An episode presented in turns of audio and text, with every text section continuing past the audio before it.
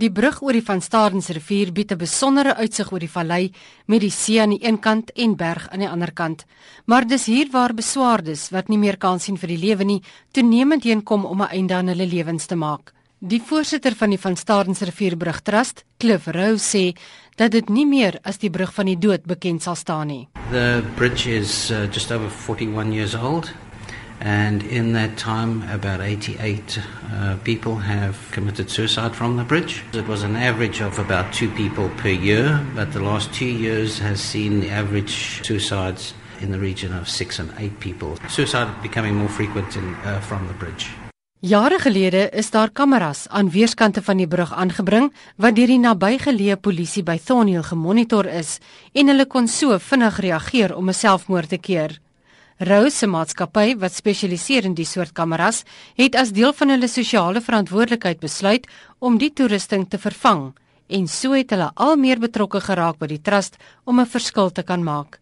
Die navorsing wat hulle gedoen het oor die brug, het hulle genoop om 'n voorstel aan Sanral te maak om te help. We also looked at um, how easy it was, and with the, with the new cameras, we were able to determine that it only takes about two seconds for a person coming to the bridge to jump over. A lot of the people that come to the bridge, unfortunately, are uh, stressed out and they have complicating factors like they could be under the influence of alcohol or drugs or both. Uh, when coming to the bridge, they're not totally aware how easy it is to commit suicide. And my feeling and my belief is that a lot of people commit suicide by accident on the bridge.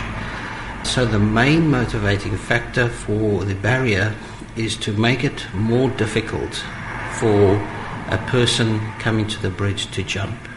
Vir jare het Sanral geskop teen die oprigting van strukture op die brug, maar moes uiteindelik besgee, sê die projekingenieur van Sanral, Michael Keiser.